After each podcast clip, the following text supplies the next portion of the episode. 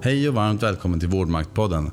Jag heter Tobias Pärdal och jag intervjuar inflytelserika personer i sjukvården för att initiera, sprida och accelerera goda idéer. Stort tack till alla lyssnare som sprider Vårdmaktpodden via social media och bland vänner och kollegor. Tack!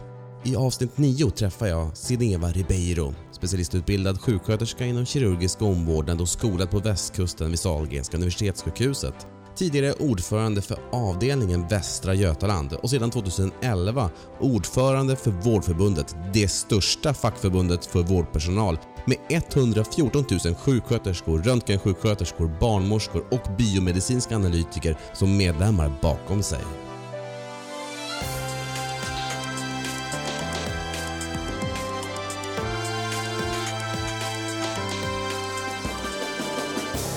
Idag talar vi om att bädda säck för välkända patienter och om fackligt ledarskap, om sjuksköterskor och vårdplatsbristen där ute samt om den nya generationens krav på lön och specialistutbildning. Om massuppsägningarna runt om i Sverige men även om lösningar inför framtiden, teknik, ja och mycket annat såklart.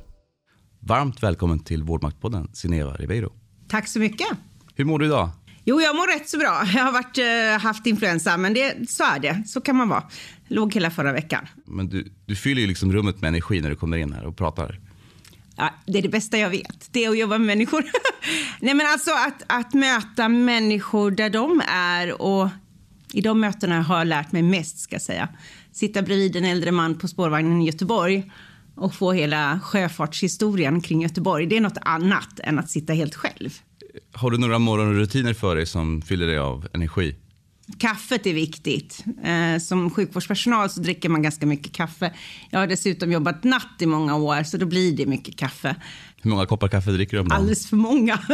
Nej, men alltså, jag har alltid kaffekoppen med mig, vad jag än är. Så. Har du Eh, räknat?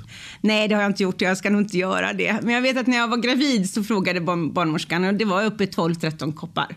Men jag tror nog att det är mer nu. Ja. Grattis till det nya centrala avtalet med SKL, Sveriges kommuner och landsting, om nattarbete, akademisk specialisttjänstgöring och samsyn kring frågan om hälsosamma arbetstider. Tack. Jag tycker det har varit väldigt tufft att få både våra medlemmar att förstå vikten av att inte vi ska gå in i en be- och begära lön, vilket vi borde också göra utifrån jämställda löner och att vi faktiskt har ett löneläge som är lägre än många andra akademiska yrken med likvärdig utbildning. Men att förstå att ska vi orka ett helt yrkesliv utifrån hur yrkeslivet ser ut idag så är det arbetstiderna som är vår viktigaste fråga. Själv har jag jobbat natt i sex år på Sahlgrenska i akutverksamhet eh, och eh, inte en chans till att, att få en heltidstjänst. Det, det finns inte och det finns inte idag heller. Jobbar du heltid natt i kommunerna så alltså jobbar du 96 procent. Det innebär att du redan då, från det att du har skrivit på ditt papper, förlorar i pension och ersättningar längre fram.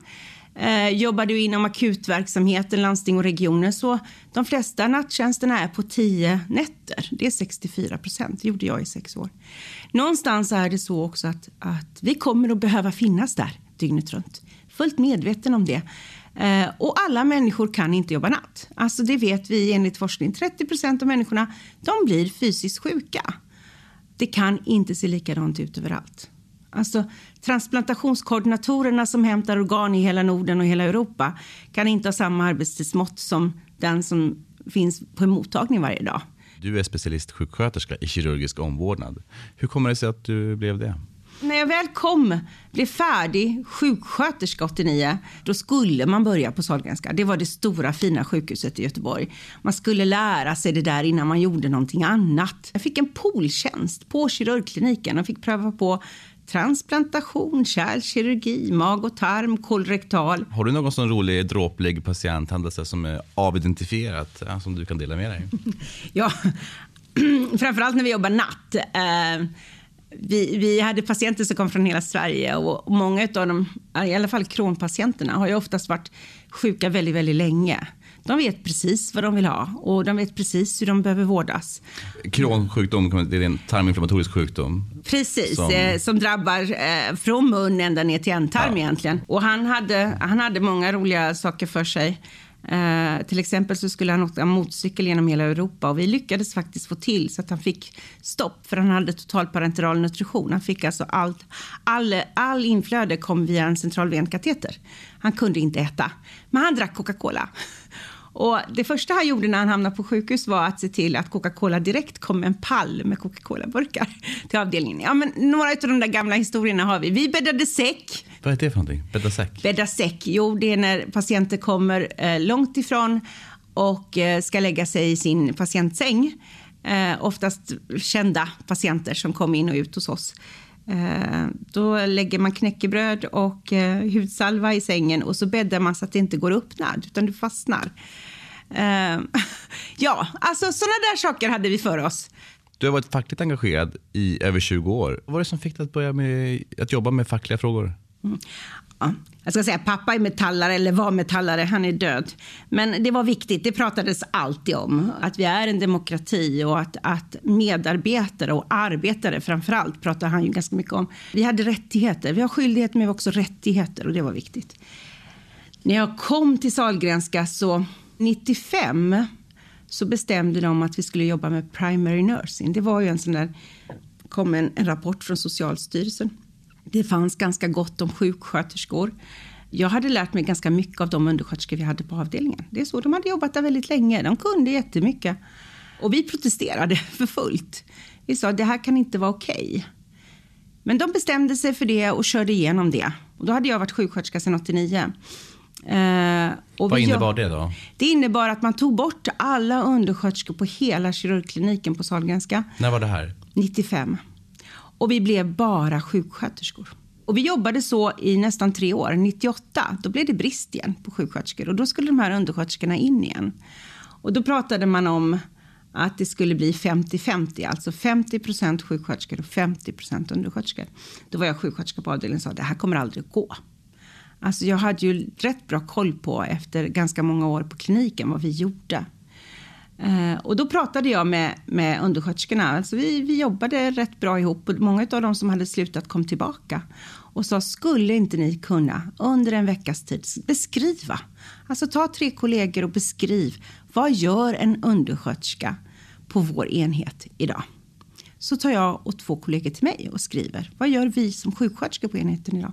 Och när vi hade gjort det en vecka så sammanställde jag det och skickade upp det till ledningen och beskrev precis. Och när, man, och när beslutet kom så blev vi 70-30, alltså 70 procent sjuksköterskor och 30 procent undersköterskor. Då ringde facket. Hej Sineva, det är vårt förbundet, vill inte du bli fackligt förtroendevald? Ja, de gav sig inte ska säga, så att jag blev förtroendevald 98 och de var på mig några gånger. Och jag vet det första mötet jag var på som facklig förtroendevald, då bråkade jag med Läkarförbundet för då skulle vi ha betalt specialistutbildning eh, som sjuksköterskor och det tyckte ju inte Läkarförbundet. Så att, ja, då kände jag så här, nej men sådana här möten vill jag absolut inte gå på. Vad gör jag här? Jag, jag vill prata med arbetsgivaren. Eh, varför, varför ville inte Läkarförbundet att ni skulle få betald utbildning?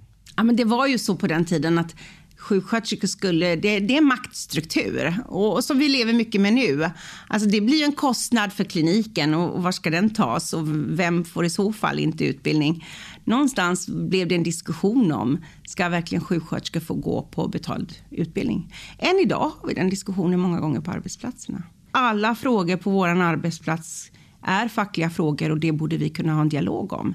Alltså någonstans är det det här att se att jag kan utvecklas på den här arbetsplatsen. Det var viktigt. Har du någon patient eller anhörigupplevelse där du har varit i kontakt med sjukvården och haft så att säga, så att säga en annan roll än, än att vara kliniskt verksam eller ordförande ja. för facket? Jag har både tolkat en hel del, kan eh, flytande portugisiska, spanska eh, och, och var en av mina meriter faktiskt när jag fick anställningen på Sahlgrenska. Så att jag fanns i någon sån där pool, man kunde ringa efter mig. Liksom sådär. Som patient eller som anhörig, har du upplevt att sjukvården hade kunnat göra bättre ifrån sig? Ja, men alltså det är så. Det är något speciellt att möta människor i kris. Och jag tror inte alla kan göra det. Och jag tror att eh, sätter vi de människor som inte bör vara där så blir det inte bra för dem vi finns till för. Och, och, um, Men vi kanske inte utvärderar den delen? Nej, det tror jag inte vi gör. Vård. Vad är det roligaste med jobbet som ordförande för Vårdförbundet? Det roligaste med jobbet som ordförande det är att få, jag skulle vilja säga att få påverka, att få utveckla för för de här fyra professionerna som jag vet är livsviktiga. Vad är det svåraste med att vara ordförande? Det är väl att, att jag hinner inte träffa alla 114 000, vilket jag skulle vilja göra. Nej, men, och att få medlemmar, men också politiker att inse att de här tre delarna hänger ihop.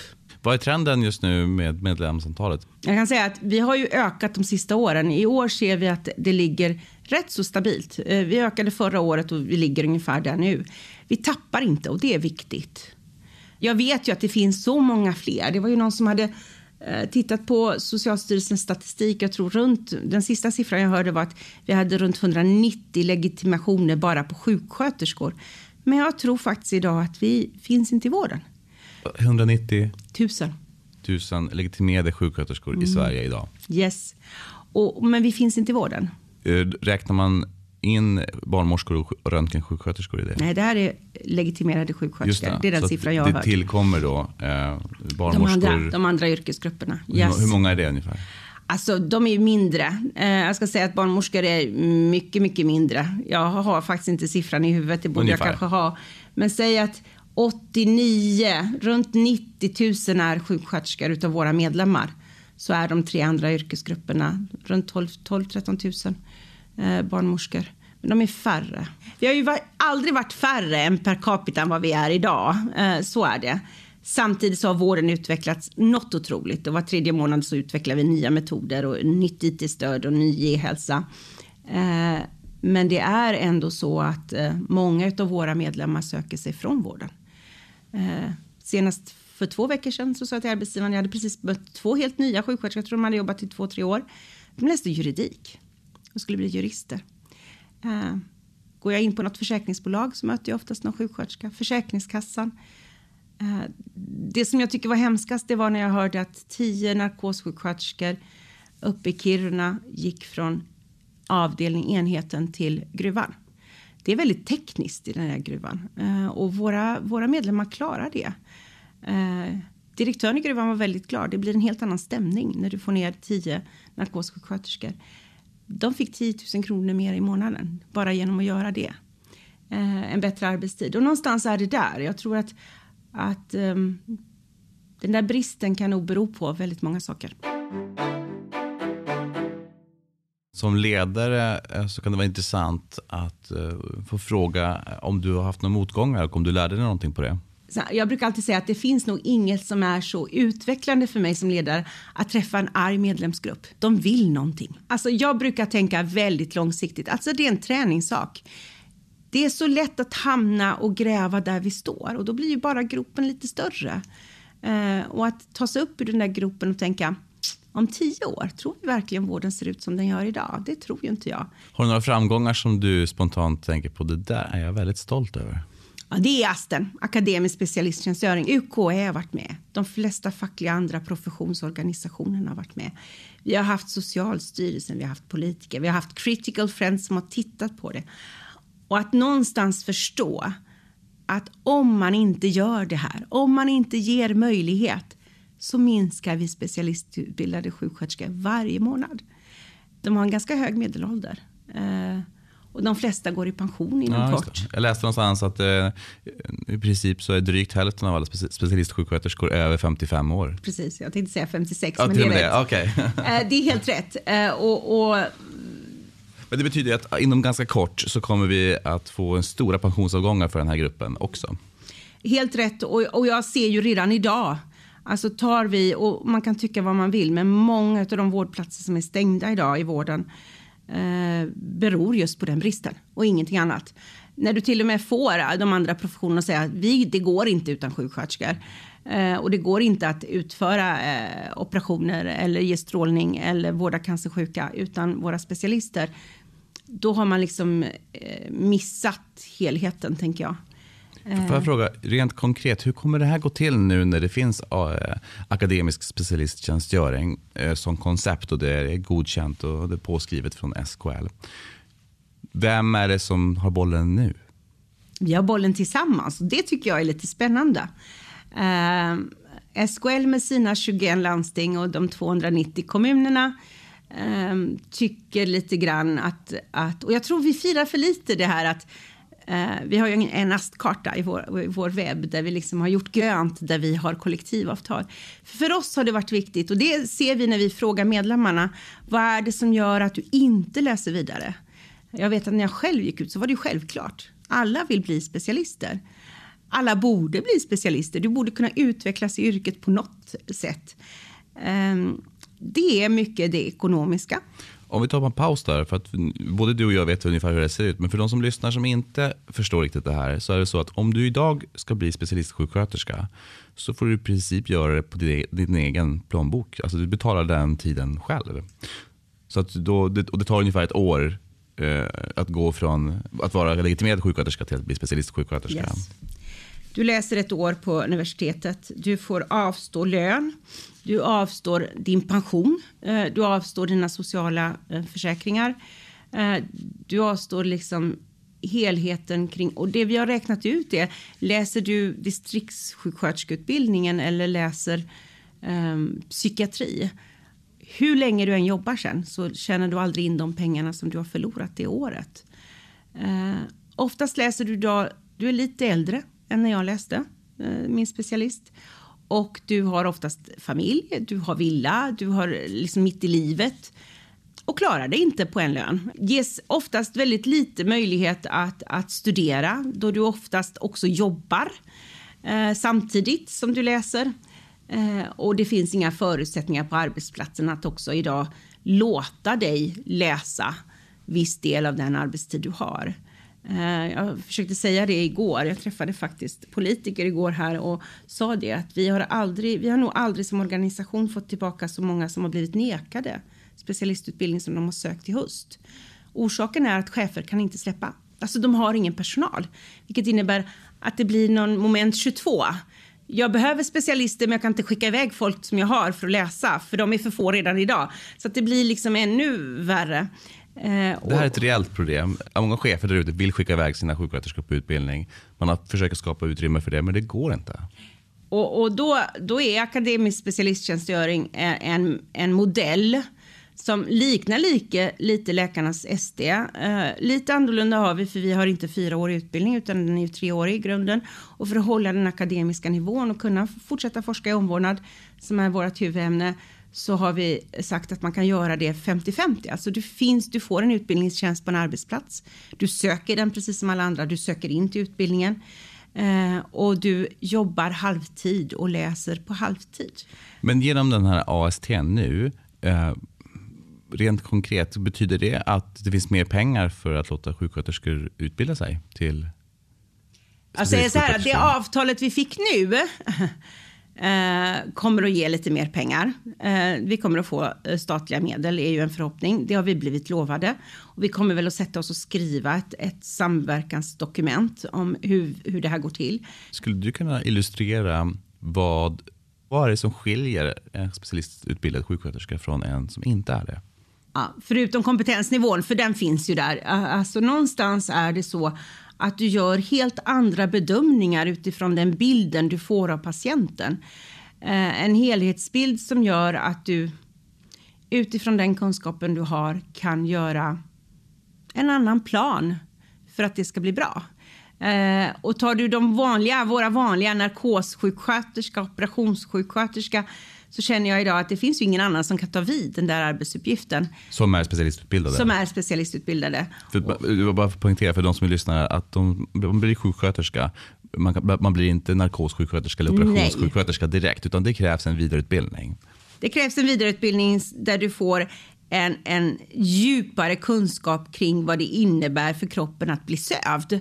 Eller vad det innebär för kroppen att du inför ett kirurgiskt ingrepp. Eh, och, och, de där två är ju självklara idag i vården.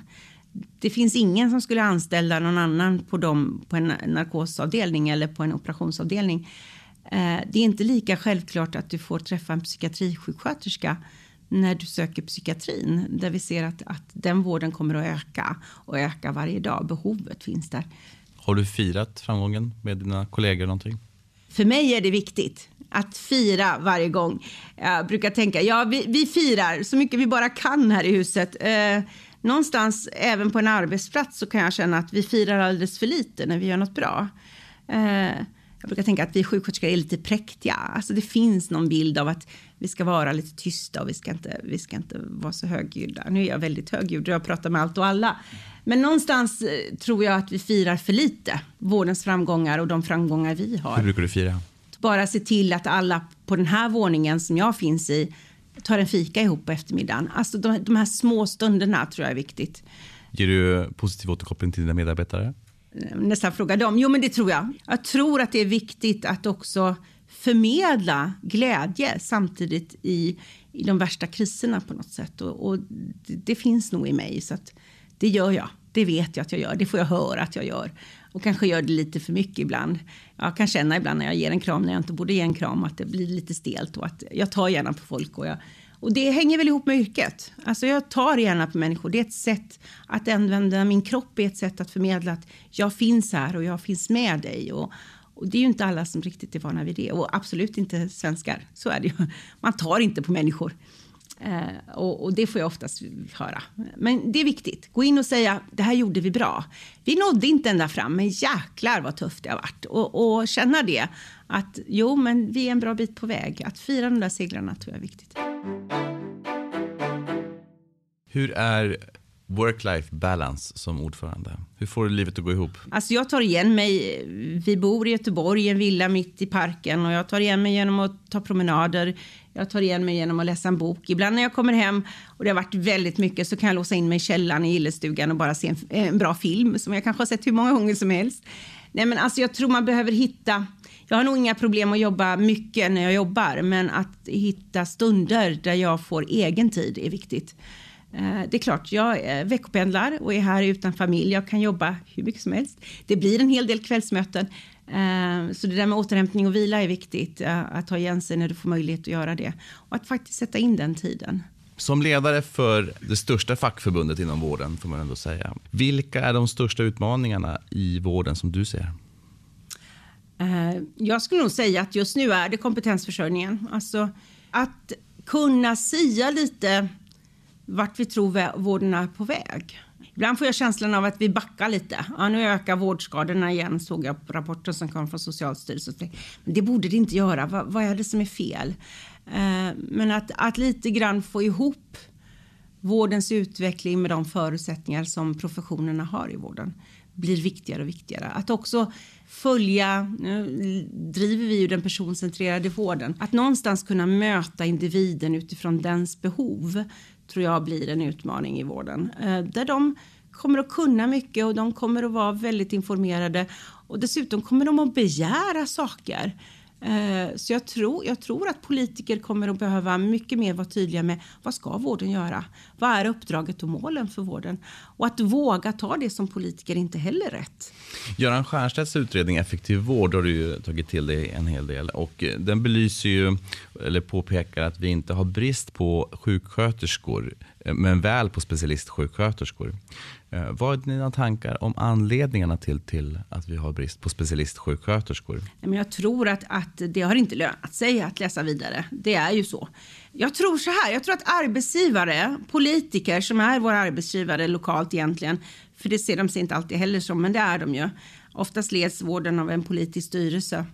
Eh, de har inte varit beredda, även om vi har pratat om det, för redan när jag gick min ledarskapsutbildning 15 år sedan nu, så, så pratar vi om eh, 90-talisterna, 20-talisterna som var på väg in. Idag är de här. De kommer ställa andra krav. De, de tänker på ett annat sätt. Eh, senast jag hörde var att läser du till sjuksköterska idag så tar det inte tre år. De tar ett sabbatsår mitt i och de flesta universiteten säger att det tar fyra till fem år att bli färdig sjuksköterska. Så att kraven eh, som vi ställer idag är inte de kraven som de kommer att ställa imorgon. Och, och det där tror jag inte riktigt politiken har hängt med. Och vi satt, jag kan ju berätta att vi satt senast på SKL och, och pratade om det här och då säger eh, den chefen vi satt med att ja, men ledningsgruppen jobbar just nu med att titta på kompetensförsörjningsfrågorna. Eh, och då skulle jag vilja att ni som professioner, vi satt alla fackförbund, också börja titta på, vi kanske ska ha en liten workshop kring vad behövs för att kompetensförsörja i framtiden. Och då tittade jag mig runt i rummet och så räckte jag upp handen och sa, jag måste få säga, jag är bland de yngsta i det här rummet. Det är inte mig ni ska anställa. Alltså någonstans är det så att du behöver ha en workshop med de yngre som ska in i vården. Alltså vi kommer inte kunna möta den, den kompetensförsörjningen om du inte har med dig dem. Alltså det är så. Och vi kommer inte kunna få dem att stanna i vården eh, om, om inte de finns med på, på tråden och, och har tyckt saker. Är det Eh, så att de som kommer utbild, nyutbildade inte stannar i sjukvården så länge? Nej, alltså vi, vi ser ju det och vi ser ju att många av dem har nytta av att ha läst till sjuksköterskor men läser någonting annat. Själv har jag anställt ganska nyligen två jurister som är sjuksköterskor och har läst juridik och två journalister som är sjuksköterskor och har läst eh, journalistik. Så att någonstans är det så att du har nytta av utbildningen oavsett var du finns i, i, i liksom samhället. Men du ser att att det gynnar inte dig att läsa den här utbildningen. Du får för lite tillbaka. Du värderas, jag brukar säga värdera min kunskap för då kommer jag stanna. Nu blir det en workshop med unga i SKLs område och jag tror faktiskt att hade vi suttit där själva så hade vi nog inte riktigt kommit på vad den där lösningen är. För det är så att det är en helt annan ny kår vi möter. Vad tror du mer för krav de har? Som... Ehm, De kommer ha Som skiljer krav. sig. Mm, de kommer ha krav. Alltså, idag så eh, har vi sjuksköterskor som liksom blir inringda via telefon när som, dygnet runt kommer de aldrig acceptera. Men värdet av ett socialt liv blir större. Värdet av att världen är världen blir större. Vi ser ju att fler och fler tar ett sabbatsår och åker ut i världen. Um, synen på... Det fanns någon sån där förhoppning att, att ja, men unga de kommer inte att stå på sig. De, de står på sig jättemycket, säger jag. Jag, jag kan stärkas. Alltså det finns väl inget som har stärkt mig så mycket som när 24K-upproret kom. Vi vill jobba med denna frågan. Vi vill inte bli fackligt förtroendevalda. Vi vill inte stå med er jämt, men vi vill driva denna frågan. Och att, att, inte möta upp det, hade vi inte mött upp det så hade det varit kaos. Då hade vi tappat en massa medlemmar. Men att se att det är klart att de kommer engagera sig i samhällsfrågor och de kommer att ha med, på ett annat sätt, med andra värderingar. Varför skulle inte Vårdförbundet driva den frågan? Det är sättet man gör det på tror jag, som inte är acceptabelt utifrån att vi har ett kollektivavtal. Eh, att vi kunde vara ett stöd för våra studenter bygger på att de har ju ingen anställning. Eh, och det är väl det som är den svenska modellen på något sätt. Nackdelen med den svenska modellen, eller hur jag ska säga, för en facklig organisation är att när man väl har skrivit på det där avtalet som vi gjorde förra veckan så har man också sagt att vi har en fredsplikt i de frågorna. Som... Vad, precis, vad är fredsplikt? Ja, vad är fredsplikt? Fredsplikt innebär ju egentligen att, att vi är överens om hur den frågan ska drivas och att vi inte ska skapa kaos ute på arbetsplatserna. Samtidigt så hävdar ju jag att eh, jag tror att som unga i yrket så kommer du alltid att driva lönefrågan. Den blir viktig Eh, och vi behöver vara ett stöd för dem i de frågorna. Men, men att, att, ha en fredsplikt innebär att vi inte går ut i en konflikt mot arbetsgivaren när vi har ett avtal. Eh, och idag kan man ju hävda att är massuppsägningar än att bryta den fredsplikten. Och jag hävdar fortfarande, vad jag vet så har man ju alltid rätt att säga upp sig själv om jag tror att jag inte mår bra på den här arbetsplatsen. Ehm, och det är det våra medlemmar på många av de där ställena nu säger är att jag mår inte bra. Nästan varje vecka eh, så skriver tidningen om vårdplatsbristen. På grund av sjuksköterskebrist ska sägas, i princip alltid.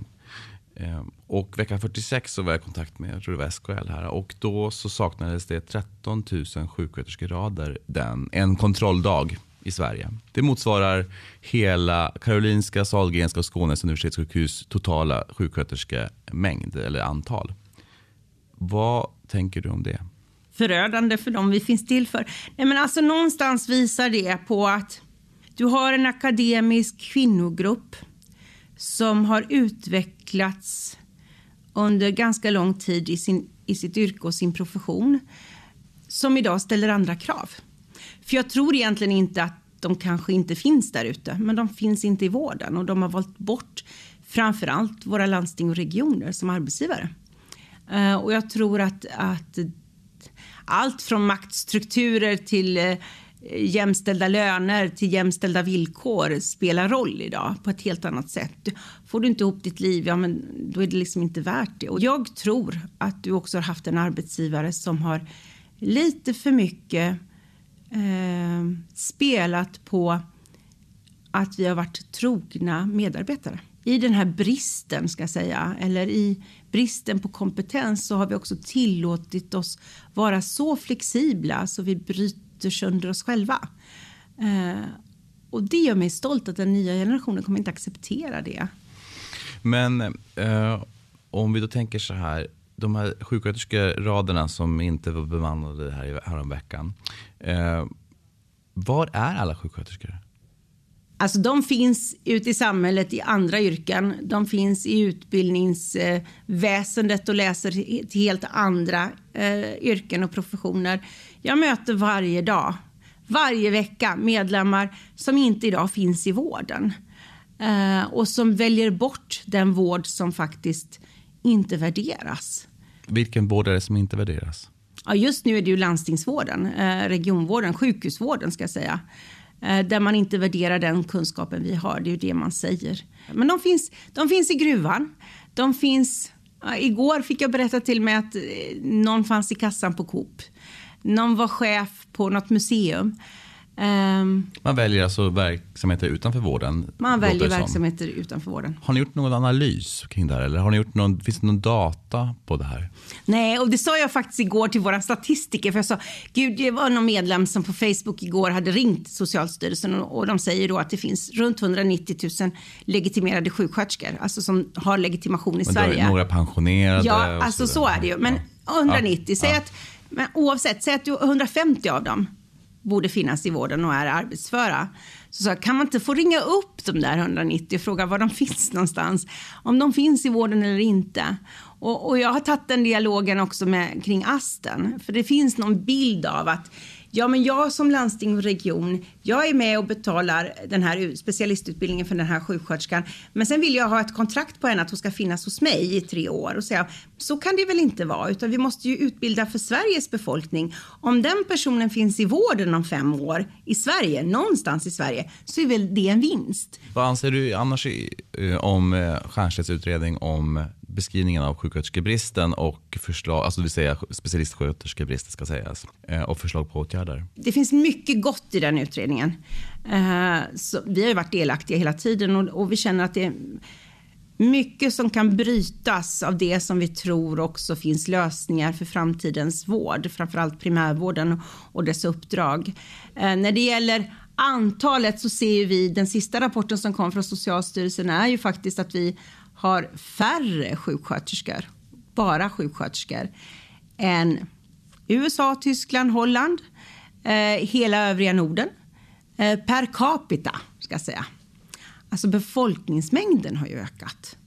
Och eh, om man tittar per capita så har vi ju inte ökat. Det finns någon, någon syn på att läkare och sjuksköterskor har ökat. Ja, vi har ökat, men inte om man jämför med befolkningsmängden som också har ökat. Och, och någonstans där tänker jag att det är klart att det också ger konsekvenser och lägst är vi i landsting och kommun. Landsting framför allt. Och framför allt för att uh, vi har ju väldigt många äldre som uh, i stor utsträckning vårdas i kommunen mot livets slut. Talande exempel för, för vad du beskriver egentligen, det var det här när sjuksköterskan ute i kommunen tittar till de svårt sjuka, multisjuka patienterna och känner dem väl men hinner inte med utan skickar in patienten istället till akutmottagningen och då sätter man oftast igång en process som man aldrig borde ha gjort. Eh, för att man inte kan patienten och man ska utreda och utesluta alla tänkbara eh, tillstånd till varför patienten verkar må dåligt. och det är kostsamt. Det är jättekostsamt. Det borde vara mycket, mycket mer effektivare att faktiskt ha kompetensen där ute eh, och hinna gå till de där två som de ringde om. Eh, det som också blir, det blir att du oftast skickar in den som, är, den som du har gjort en bedömning är minst i behov av min kunskap. För de ringer ju oftast och så ringer de oftast om två patienter nattetid. Själv varit där ute så jag vet. Du ringer om två. Och den ena beskriver den patienten, den andra beskriver den och så tänker jag den där är sämre, dit måste jag gå. Den andra får åka in till ambulans, med ambulans. Oftast är det den som egentligen inte är lika dålig som den andra men jag hinner ändå inte titta till den. Alltså har inte en chans, inte en möjlighet och när jag väl kommer till den som är dålig så måste den kanske också in med ambulans. Så att någonstans är det, är det kompetensen där ute som behöver öka, eh, tror jag. Och vi kommer att behöva specialister som åker ut dit för att vi ska klara vården i framtiden så att de inte hamnar på akutintag. Det ligger ju en inneboende konflikt någonstans i att vi kan göra så otroligt mycket mer. Eh, Alltså bara de sista tio åren, vad man diagnostiserar och vad man gör på en akutmottagning idag, på grund av vårdplatsbristen kan sägas också till stor utsträckning, eh, driver ju väldigt mycket en utveckling samtidigt som vi har äldre som ja, flera av den kategorin som, som behöver det här eller som hamnar i en situation där man behöver utreda det, återigen, det är många äldre som inte vill gå igenom den processen. Nej. Då kommer etiken och har vi möjlighet att prata om ja. det och har vi ens möjlighet att sätta oss bredvid den där äldre och lyssna på att mm. den faktiskt vill någonting annat. Jag tror att vi måste hitta de stunderna och jag tror egentligen att som chefer och ledare i vården så måste man inse att de reflektionsstunderna är guld värda. Där jag får möjlighet att faktiskt ta de dialogerna med kollegor och med patienten. Att jag får den tiden för att kunna göra bedömningen korrekt och kunna möta upp så mycket jag egentligen kan. När jag jobbar som medicinbakjour eh, på olika sjukhus i Sverige eh, så, och bedömer patienter på nätterna som ligger på avdelningar så har jag reflekterat över att för tio år sedan då var det ofta eh, gamla erfarna duktiga eh, sjuksköterskor som ofta hjälpte till väldigt mycket när man var yngre läkare att hitta rätt och komma rätt i vården. Och Det tror jag vi alla som har jobbat i sjukvården känner igen oss i. Eh, det är jag inte ensam om. Men idag så är det ofta väldigt unga oerfarna som jobbar natt själv på en avdelning till exempel. Eller så är man inhyrd sjuksköterska. Alltså när jag, när jag eh, började 89 så jobbade jag i poolen och sen så gick jag upp på enheten och hamnade på kolorektalkirurgin. Eh, jag fick min dotter 91 och pratade då med chefen att jag skulle behöva gå över på natten och då sa hon det får man inte. Man måste jobba tre år på dagen på kliniken för att få gå över på natten. Alltså du måste ha så pass mycket kunskap för att kunna jobba natt på specialistsjukhuset. Idag går du direkt från skolan till nattarbete. Och det är klart att det ger konsekvenser för vården. Att inte tro att kompetens spelar roll för de bedömningar man gör är att misstro sig, är att verkligen skapa den, det som jag tror inte är så bra. Ja, för samtidigt så har vi ju sjukare patienter som ligger där också. Precis. Alltså de patienter som låg på IVA ligger idag på vårdavdelning. Och, och det är ju det som, som jag ibland kan... Alltså det här med livslångt lärande, uppdraget att, att ha kollegor som jag kan ringa. Jag vet ju att jag hade 20 patienter men jag hade övre gastro precis bredvid och det var bara en dörr emellan och i början så öppnade jag den dörren direkt för där inne visste jag fanns en kollega som dessutom hade jobbat 30 år på natten och hade jobbat på kliniken i väldigt många år som jag kunde. Berit, kan du komma och hjälpa mig? Hur gör vi här? Alltså jag kunde prata med den. Idag finns inte ens det och någonstans, jag har ingen kollega som har jobbat lite längre. Eller när jag, när jag ibland tittar på Ja, eh, vem har jobbat längst på den här arbetsplatsen kan jag fråga när jag kommer till en arbetsplats. Ja, det har jag gjort, jag har varit här i fyra månader. Alltså någonstans har vi ju tappat kompetens. Och det ser vi konsekvenserna av nu när vårdskador och annat ökar. Men hur ser du då på att man i större utsträckning tar in vårdbemanning för att lösa situationen?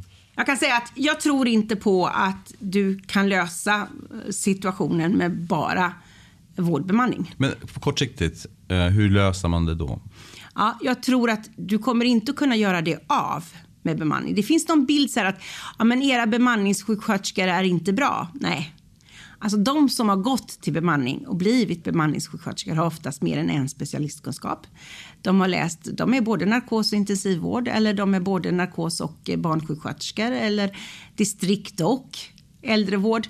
Sen är förutsättningarna och den upphandling man gör den, den eh, säger ju att jag inte tar, alltså man tar inte hela ansvaret. Så är det. Du tappar en del av den utveckling som behövs på en arbetsplats för att också utveckla rutiner, det vardagliga, se patientklientelet, eh, vara följsam i en behandling. Det är klart att om du lägger om ett sår och det varje gång det läggs om kommer en ny och vi dessutom inte då får fota i vården, för mig är att fota ett, ett sår viktigt, det ger konsekvenser och, och, det blir en försämrad vård. Eh, jag vet själv att jag har kollegor som liksom har gått ner till verksamhetschefen och sagt att nu är jag ensam. Alla andra är bemanningssjuksköterskor. Nu går det inte längre. För jag kan inte vara den som upprätthåller hela enheten. Tror du själv på att um, införandet av bemanningsstopp är en, en, lösning? Nej, det tror jag inte. Och det visar sig nu. Alltså de som har infört, de landsting och regioner eller sjukhus som har infört både anställningsstopp på plats eh, det vet jag Sahlgrenska haft i många år. När jag fanns liksom, nu får vi inte anställa. De anställer. Eh, och det är samma sak med bemanning. Någonstans är det så att vi har ett behov som vi inte kan fylla. Och eh, så länge du inte värderar den kunskapen som arbetsgivare och politiker lokalt och ser att vi måste göra någonting. Jag har någon bild av, Eh, jag tror det var politiker här i Stockholm som sa, men det hänger ju inte på lönen. Just nu gör det det. Ska du få unga att välja vårt yrke och välja en akademiskt yrke som också är kvinnodominerat. Där du redan när du går in din första dag på arbetsplatsen vet att jag kommer förlora 30 procent i lön.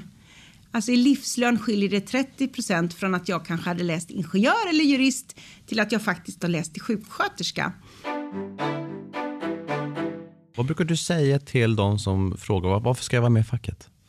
Jag brukar säga så här att, att tro att det vi har idag med de, de, den trygghet och den rättighet som jag som medarbetare har till att också försöka få påverkan på min situation där jag finns på arbetsplatsen. Att tro att den är konstant och alltid är kvar eh, är att tro på tomten. Nej, men det är att, att, att som facklig medarbetare, eller äh, går du med i facket så är det tillsammans vi kommer att göra förändringar. Det är inte ensam.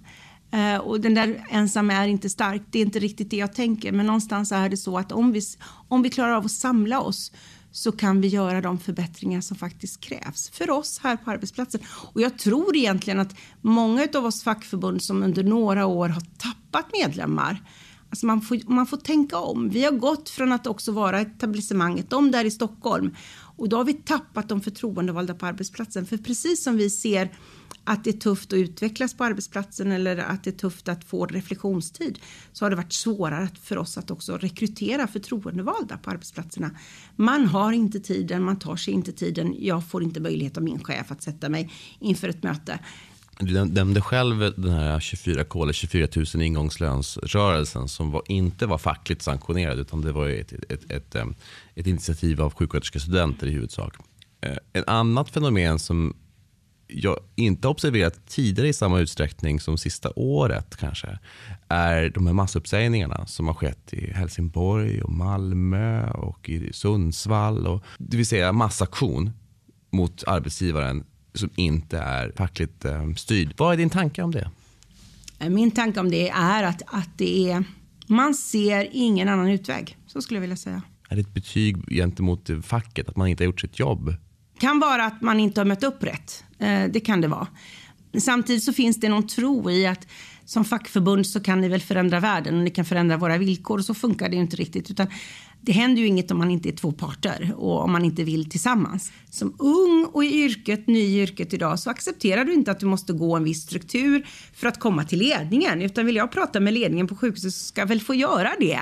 Varför kommer han inte ner till oss här? Och jag tror att där måste både vi... Eller som, hon. Eller hon. Där måste även vi, som oftast är det en han, det är därför det blir en han, men du har helt rätt. Eh, oftast är det ju vi som måste eh, bryta de mönster vi har, både arbetsgivare och fackorganisationer. Om vi överhuvudtaget ska se styrkan i att vara tillsammans så är det att inte att inte bara köpa den här maktstrukturen vi själva har skapat. Men det har ju fått effekt också, de här massuppsägningarna. Ja, det har hänt alltså saker. så är det ju. Och, och, åker man dit och träffar dem så kan jag ju säga att det är ju inte de unga.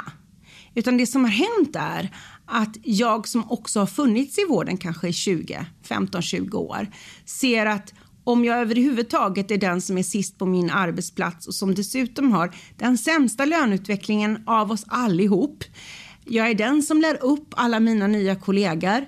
Jag lär upp en hel del AT-läkare i vissa saker. Alltså, ja, det är så bakvänt så det går inte att förstå. Alltså. Kompetensöverföring. Och jag blir ändå den som är lägst värderad. Det är klart att det börjar sätta eh, saker i huvudet på mig i att fundera på, ska jag verkligen vara kvar här? Dessutom blir jag sjuk av att vara kvar här för jag får jobba jämt. Eh, och vet egentligen aldrig, alltså något som en kollega satt med häromdagen som ändå varit i vården väldigt länge och sa, jag vet aldrig om jag kommer hem. Jag kan inte vara ensamstående mamma i vården för jag vet aldrig om jag kommer hem. Jag ska hämta på dagis, det finns ingen annan som hämtar. Alltså det finns många som inte har mor och farföräldrar som kan hämta. Men jag vet aldrig om jag kommer hem. När jag väl är där så är jag ju där i vården. Och det händer att min chef precis när jag ska gå in i hissen säger jag kan inte släppa iväg dig. Jag måste beordra att du måste vara kvar. Uh, och, och, och de där konsekvenserna har inneburit faktiskt att även vi som har funnits i vården längre börja värdera vår kunskap. Har du sett någon analys om beordringar och om det sker oftare? Ja, beordringar sker oftare eh, och då kan man fundera på vad innebär beordring? Ja, för, för oss innebär ju en beordring att du får en lapp och det ska vara vid speciella tillfällen. Alltså det måste ju vara kaos på arbetsplatsen och så är det inte med beordring idag. Jag får ett telefonsamtal eller jag får ett sms att du ska infinna dig på jobbet. Någonstans har, har alla de här sätten som vi har haft att hantera varandra som parter Eh, både utifrån att vi har en medlemskår som ser annorlunda ut och som värderar sin kunskap annorlunda. Men också att vi som parter har glömt vad det innebär att vara parter. Alltså vi ska prata med varandra, vi ska komma överens. Inte bara säga nej. Alltså jag kan säga, hade inte arbetsgivare lokalt, landsting och regioner, politiker, höga tjänstemän lokalt hade man skrivit kollektivavtal med oss lokalt så hade du inte sett de där uppsägningarna. Det man har valt de senaste åren är att om man inte kommer överens med fackförbundet, ja då kan man göra en överenskommelse med den enskilda medlemmen. Där vi har sett rubrikerna massuppsägning. Det är Norrbotten, det är Uppsala och det är Skåne. Och när jag gått tillbaka, för jag gick faktiskt tillbaka och tittade, vad, vad är det som har hänt i de områdena? Det är också där arbetsgivarparten inte har skrivit kollektivavtal med oss, utan har skrivit det med enskilda medlemmar. Och det är klart att det ger konsekvenser på gott och ont ska jag säga, för att våra medlemmar har lärt sig att sätta en värdering på sin kunskap. Men arbetsgivarna har fått svårare att kompetensförsörja. Vad frågar sjuksköterskorna som du träffar när du är ute och rör dig i vården? Unga säger så här, men Sineva, jag går till jobbet varje dag, går hem varje dag, vet att jag kunde ha gjort mer, men fick inte förutsättningar att göra det. Att inte kunna sätta sig vid den patienten med cancern och ta i hand och samtala om hur vill du avsluta ditt liv?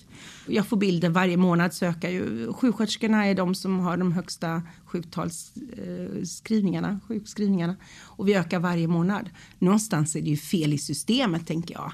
Alltså det är inte klokt att vi som faktiskt kan vårda vet vad det innebär när vi inte gör det är de som blir sjuka av det. Så vilka lösningar för sjukvårdens utmaningar som vi nu har pratat om och inte minst sjuksköterskebristen ser du är viktigast att nu ta tag i? Jag tror att arbetstidsfrågan som vi faktiskt har löst, det här att du jobbar i en rotation dag, kväll, natt. Vi kommer att behöva finnas där dygnets alla timmar, det vet vi. Alla de professioner som finns i vården idag kommer att behöva finnas där och kraven kommer att bli större till och med tror jag. Kan primärvården se ut som den gör? Nej, man kommer att ställa andra krav. Så att någonstans kommer vi att behöva finnas där dygnet runt och då måste vi se till att det finns villkor som gör att jag faktiskt orkar dygnet runt. Vi behöver rasten. Vi kommer att behöva eh, en specialistutbildning inom ramen för anställning för sjuksköterskor för att överhuvudtaget klara vården. Annars kommer folk inte att läsa vidare. Det är så. Då väljer man hellre andra yrken. Jag tror att, eh, jag tror att politiken kommer att behöva göra någonting kring jämställda löner. För det är klart att vi vill ha män i vårt yrke. Vi be behöver det. Idag är de ungefär, eh, utav våra medlemmar är det 11 procent män och vi kan till och med se vilka verksamheter. Det är ofta akutverksamhet, ambulans, narkos, IVA. Alltså det är de specialisterna. Eh, ska du få in fler män och, och, grabbar och få ett jämställt yrkesliv så behöver du göra någonting åt lönen. Och där kommer vi aldrig jag vill verkligen säga aldrig att vi kommer att kunna få 30 procent i ett löneavtal. Det finns inte på kartan utan där tror jag precis som man har gjort kanske med, med lärarna. Men du behöver gå in i de här akademiska kvinnoyrken och rätta till den där lönen som du vet är fel. Alltså alla vet att det där är fel. Det, de är felvärderade och där finns det något man behöver göra. Eh, men jag behöver också kunna få möjlighet att, att ha kollegor bredvid mig som jag kan utvecklas tillsammans med. Alltså det här livslånga lärandet. Vården kommer att utvecklas ännu fortare i framtiden. Och då kommer jag inte vara färdigutbildad när jag har gått mina tre år på, på eh, universitetet och är legitimerad sjuksköterska eller min specialist på ett år. Utan jag kommer att behöva ett livslångt lärande under utbildning. Vad finns det för andra för frågor som är väldigt viktiga att driva? Eh, för mig blir det väldigt konstigt att, att man har eh, en vård där vissa professioner inte finns i ledningsstrukturer när de är så pass viktiga för vården. Jag tror också att en, en stor utmaning är att implementera nya saker.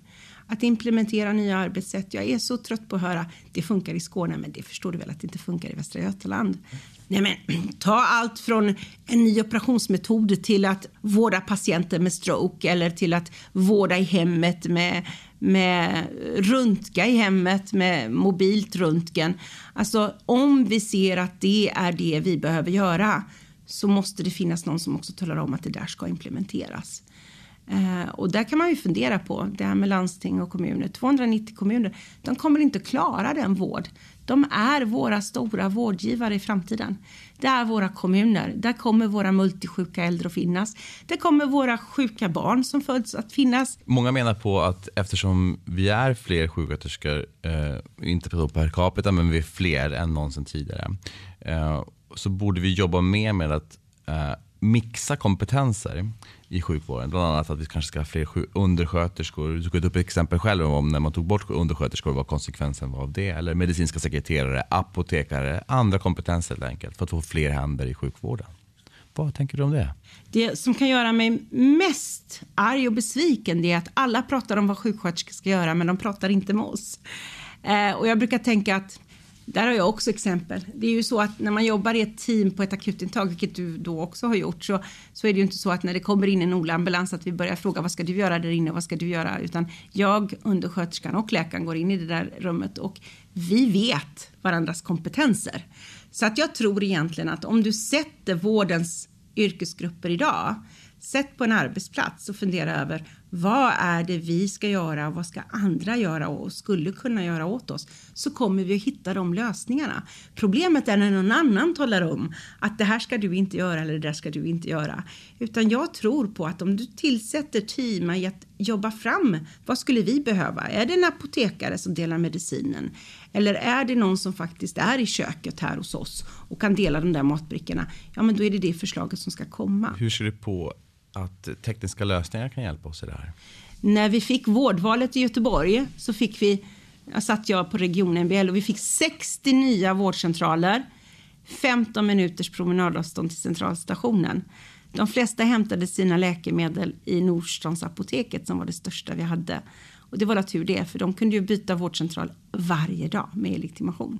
Vi hade ingen koll, för journaler och IT, det fungerade ju inte alls emellan. Eh, så att ja, det kommer att hjälpa. Men du kommer inte kunna ta bort oss helt. Det tror jag inte på. Eh, jag brukar tänka att om du inte tar på ett barn så dör det. Så är det. Och, och jag brukar tänka så här, hur, hur skulle du vilja ha det Sineva när du blir gammal? Ja, alltså Ja, klart jag, ska, jag kan tänka mig en robot som duschar mig och ser till att min hygien är okej. Okay. Eller som talar om för mig att spisen är på, för att det kommer jag att glömma. Eller nu är det dags att äta. Eh, du behöver laga mat. Eh, nu behöver du röra lite på dig. Men när jag går ut och går så vill jag ha någon att prata med.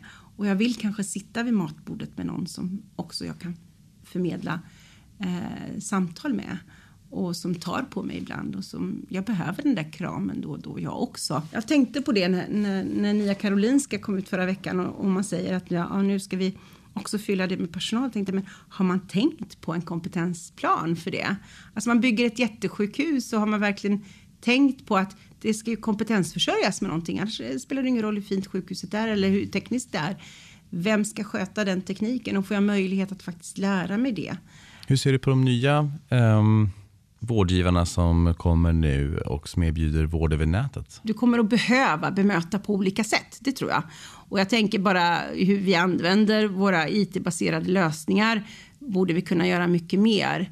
Men jag tror, du kan inte hoppa över själva mötet. Du kan inte göra det. Du kommer inte kunna göra det.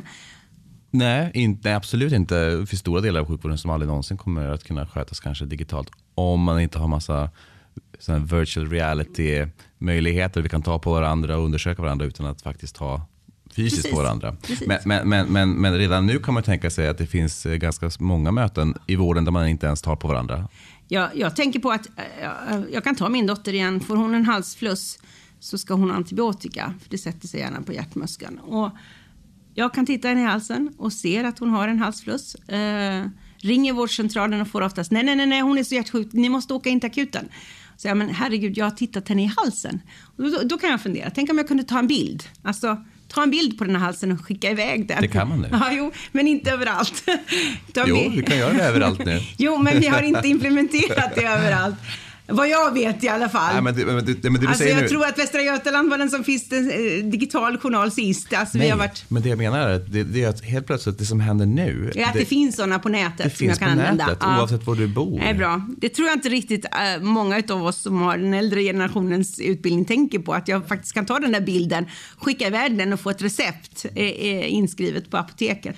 Men jag menar, sådana som min dotter kommer att ställa de kraven och, och kommer att lära sig den, den delen. Att det är klart att de kommer också uppfylla ett behov tror jag. Eh, och som, som säkert finns där. Vi går in på lite avrundningsfrågor. Mm. Vad vet du om sjukvården som du ofta tänker att andra borde veta? Det är väl det att jag oftast vet hur jag tar mig in, eh, hur jag, vart, vart jag ska vända mig. Om jag fick ont i magen och skulle behöva operera så vet jag vilken, vilken läkare jag skulle vilja bli opererad av. Eller vilken enhet jag skulle vilja ligga på. Eller jag vet att där har de en ny teknik som ingen annan har någon annanstans. Uh, och när min dotter fick en stroke så kände jag, åh, vilken tur att vi bor i Göteborg. Det finns en strokelinje, hon går direkt. Hur ska vi göra för att andra ska få veta det? Mer? Vi måste vara öppna med det. Alltså det är ju det här att sprida de goda exemplen, det är svårast i Sverige. Alltså det finns nog inget som jag blev så förvånad över när jag kom in i den här i förbundsstyrelsen 2008 så åkte vi till IHI, International Healthcare Improvement-mässan i Orlando i USA. Och där var också SKL. Och både SKL och vi var lika förvånade för de svenska exemplen som var jätteframgångsrika som de lyfte fram i USA som vi inte hade en aning om, vi som kom från Sverige. Då brukar jag tänka det är något som är fel. Alltså vi behöver åka till andra sidan jordklotet för att veta vilka goda exempel vi har i Sverige. Vi har ingen koll på det själva. När blev du senast eh, själv förvånad över någonting i sjukvården? Det räcker att jag ringer. Alltså, hur möter du vården? Men jag ringer och behöver prata med en kurator eh, kring dottern. Hon svarar och hon kan prata med mig en timme. Alltså sådana där möten som jag egentligen inte trodde. Jag trodde jag skulle ha en telefonsvarare på andra sidan. Eh, utan eh, när, när det händer något sånt där som, där jag blir bemött som person och individ och ser att Gud, de, gud vad bra det där är. De där exemplen tar jag med mig. De försöker jag förmedla sen. Finns det någon sjukvårdsinnovation som du själv saknar eller ofta tänker borde finnas? Jag brukar säga, och jag vet att nu var jag på Gabriel förra veckan som minister, att jag skulle vilja ha en vårdgala. Vi har vårdens hjältar som varje dag gör något fantastiskt och som aldrig får veta att det de gör är fantastiskt.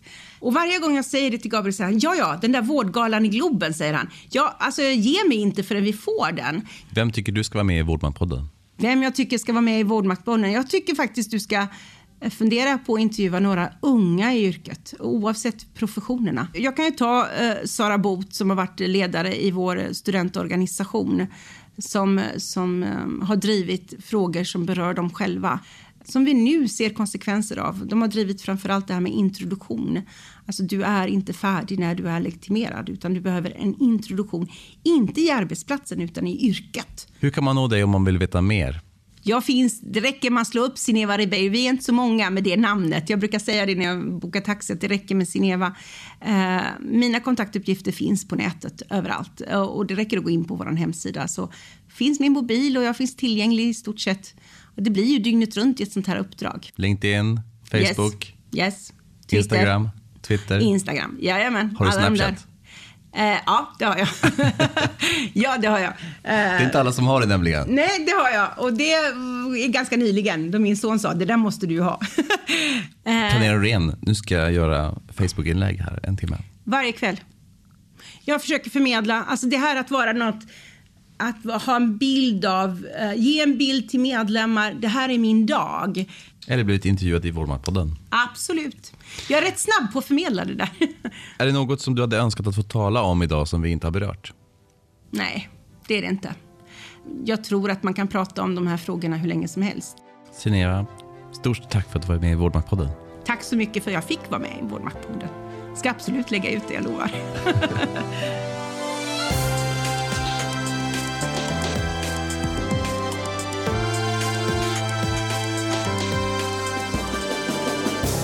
Jag hoppas du får nya idéer av samtalet med Seneva Ribeiro, så dela gärna med dig av dem på Vårdmaktpoddens Facebook-sida, på Twitter och LinkedIn.